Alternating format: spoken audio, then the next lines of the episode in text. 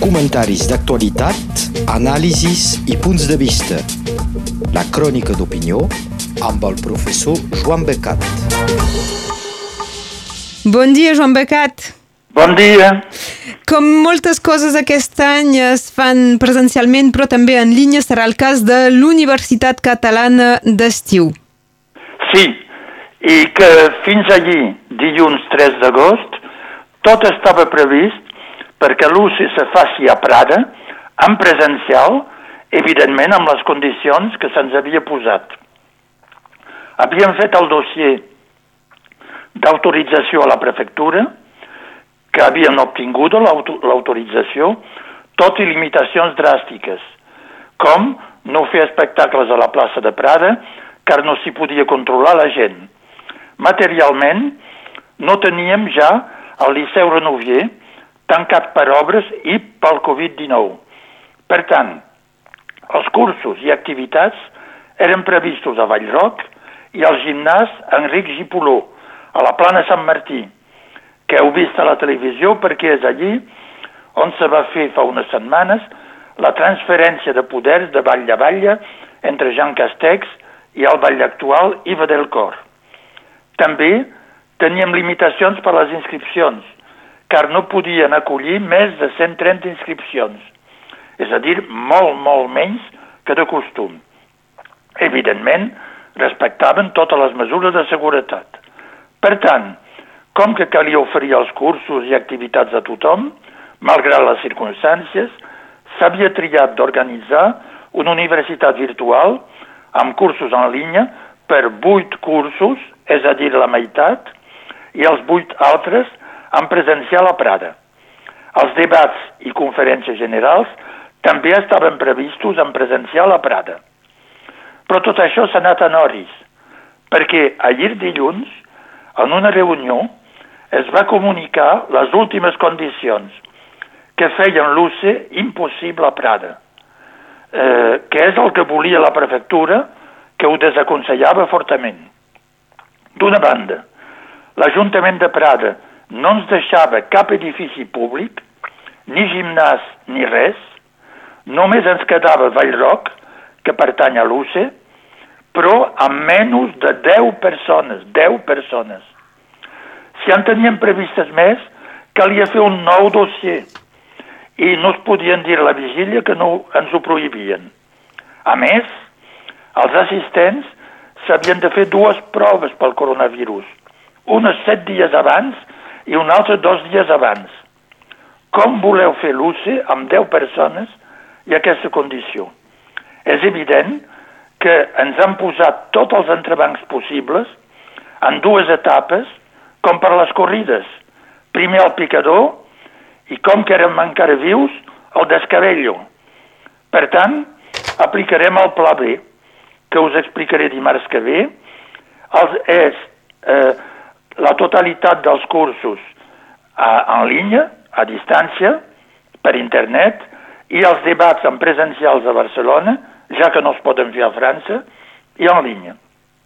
Ara bé, tinc la convicció que hi ha altres raons que la prudència darrere aquestes condicions que no s'apliquen a cap altre lloc de Catalunya Nord. En les dues reunions amb el prefecte i el sotprefecte de Prada ha seguit una reflexió de passada que és el fons de la qüestió. Ens van dir, imagineu què passaria a França si amb l'UCE hi havia un clúster de coronavirus dins la vila del primer ministre provocada per gent del sud. Per tant, és per protegir el primer ministre Jean Castex que no se fa l'ús a Prada. Suposi que el telèfon ha funcionat dins el triangle Perpinyà-Prada-París. Efectivament, m'imagini el canar enxener amb un clúster de, de coronavirus a cal home del desconfinament i primer ministre. Eh, però ja veurem, us explicaré la setmana passada, la setmana vinent, com pensem organitzar els cursos i com hi podreu accedir. a través d'un campus universitari virtual de l'UCE que, sí. que detallarem. Uh, Espanya és sempre controlada per una justícia política. Sí, és un tema que toca directament Catalunya.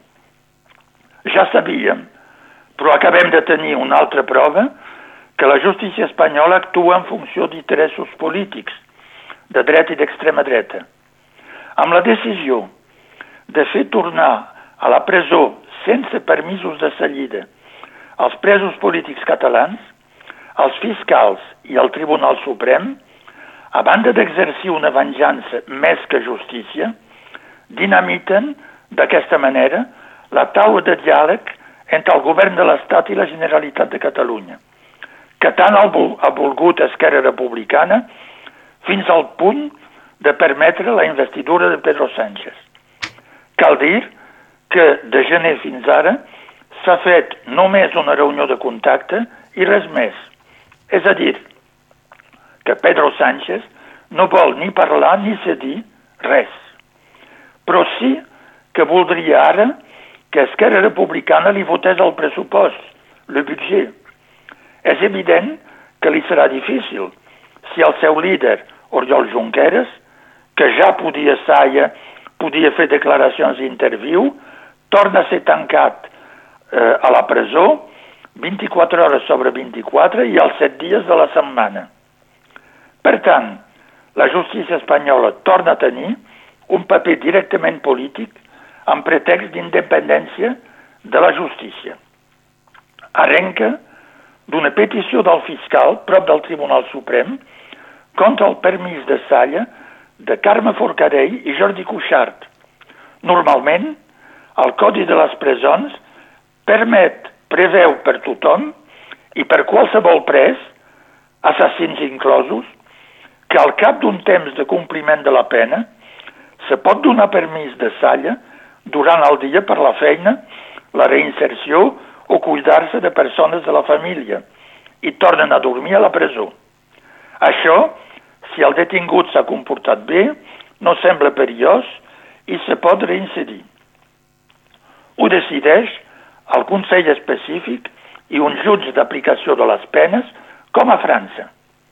Però al Tribunal Suprem, precisament la sala presidida pel jutge Marchena, que ja havia condemnat durament els presos, ha fet una excepció sense base jurídica, dient que en el cas de la sedició, i per què no els assassinats, ho decidiria ell i que Carme Forcadell i Jordi Cuixart havien de tornar a la presó sense seguida possible. La raó explicitada és enorme, que els presos no se penedeixen de les seves opinions i que no estaven reeducats, com si Espanya fos un règim dictatorial, com la Unió Soviètica de Stalina o la Xina de Mao Zedong, com si se podia reeducar d'opinions polítiques en una democràcia. No se reeduca la gent de Vox. I per tant, per què aquests? En el seu escrit, el fiscal diu, textualment, l'internament efectiu és l'única manera de conscienciar el delinqüent. No m'inventi res, transcric el text. És molt gros. Dies més tard, el fiscal va demanar que cinc altres presos tornessin a la presó, sense salida també. En aplicació de la decisió del Tribunal Suprem, un jutge ho va decidir, tot i que els presos havien presentat un recurs. Han tornat doncs a la presó, entre altres, Oriol Junqueras, Jordi Sánchez, Jordi Cuixart. Ara bé, un jutge de vigilància penitenciària, penitenciària de Barcelona per la presó de dones del Puig de les Basses, ha refusat de suspendre el permís de Salla, eh, en diuen el tercer grau, per Carme Forcadell i Dolors Bassa, malgrat la petició del fiscal i la decisió del Tribunal Suprem, mentre que presentin un recurs i que no se decideixi sobre aquest recurs. Si la justícia espanyola és parcial i política al més alt nivell, hi ha molts jutjats, això demostra que hi ha també jutges que prenen decisions en funció del dret i que són prou valents per aplicar-los. Els cal felicitar. I ho fem des d'aquí. I acabarem amb uh, la notícia que fa potser més parlar uh, avui a nivell mundial, fins i tot. Juan Carlos I i uh, Corina Larsen. Sí, el rei Joan Carles ha fugit d'Espanya. Ha marxat, com el seu avi, Alfons XIII, al 1931. És bon senyal perquè la fugida d'Alfons XIII va permetre que hi hagi la república. És una compareixença de la seva ex-amant, Corina Larsen, que ha portat a la situació que vivim en l'actualitat. Us ho contaré. Vaig evocar fa uns mesos l'acusació de la justícia suïssa contra el rei d'Espanya, Juan Carlos, de frau i blanquiment de diner negres, 100 milions d'euros. Doncs hi ha un altre episodi tan xocant i poc moral com el primer. És una trompada de la seva examant, Corina Larsen, una danesa naturalitzada a Alemanya. La trompada és un xoc, un cop de trompa d'un elefant. Eh? Precisament, matar elefant era una especialitat del rei Juan Carlos i havia provocat un escàndol quan s'havien difós fotografies d'ells i Corina davant d'un elefant matat a un safari a Botswana, a Àfrica. Des de llavors, els dos amants havien trencat els papers. Què passa? Doncs que Corina Lassen ha declarat davant de la justícia suïssa aquest juliol i ha dit que havia rebut del rei 65 milions d'euros. Són, evidentment, diners amagats. Per quin motiu, li diu el jutge? I ella diu que era per amor i per gratitud. Efectivament, té raó. Diuen que no hi ha amor sense proves d'amor. Doncs, l'amor del rei per la Corina devia ser immens, de 65 milions. Si ofereix tants diners a la seva amant, s'ha quedat sus la palla, o bé que en té molt més i això és un detall.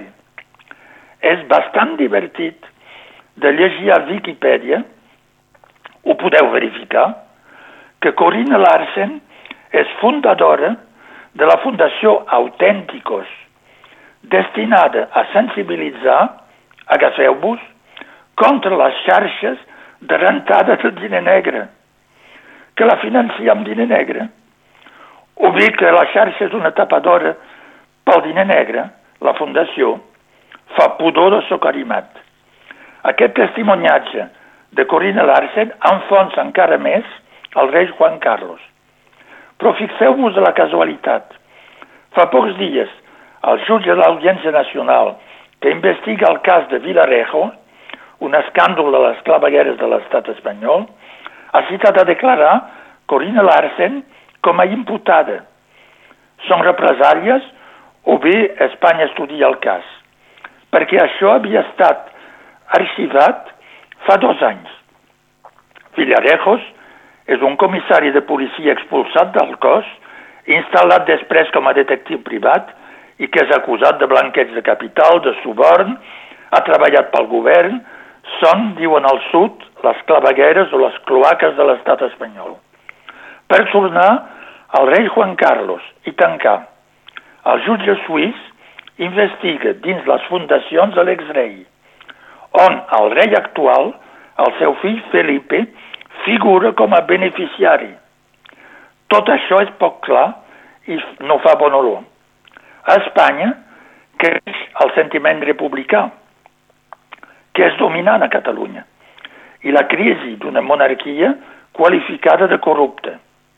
S'hi bareja tant el pare com el fill, fins al punt que ha filtrat a la premsa fa cinc dies que el govern de Pedro Sánchez havia demanat al rei, per protegir-se, que pringui distàncies amb el seu pare, l'exrei Juan Carlos.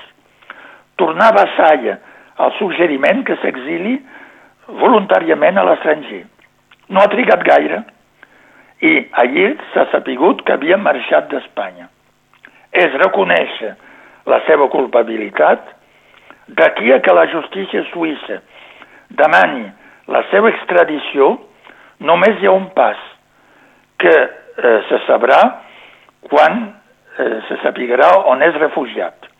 Ho seguirem esperant el nou capítol.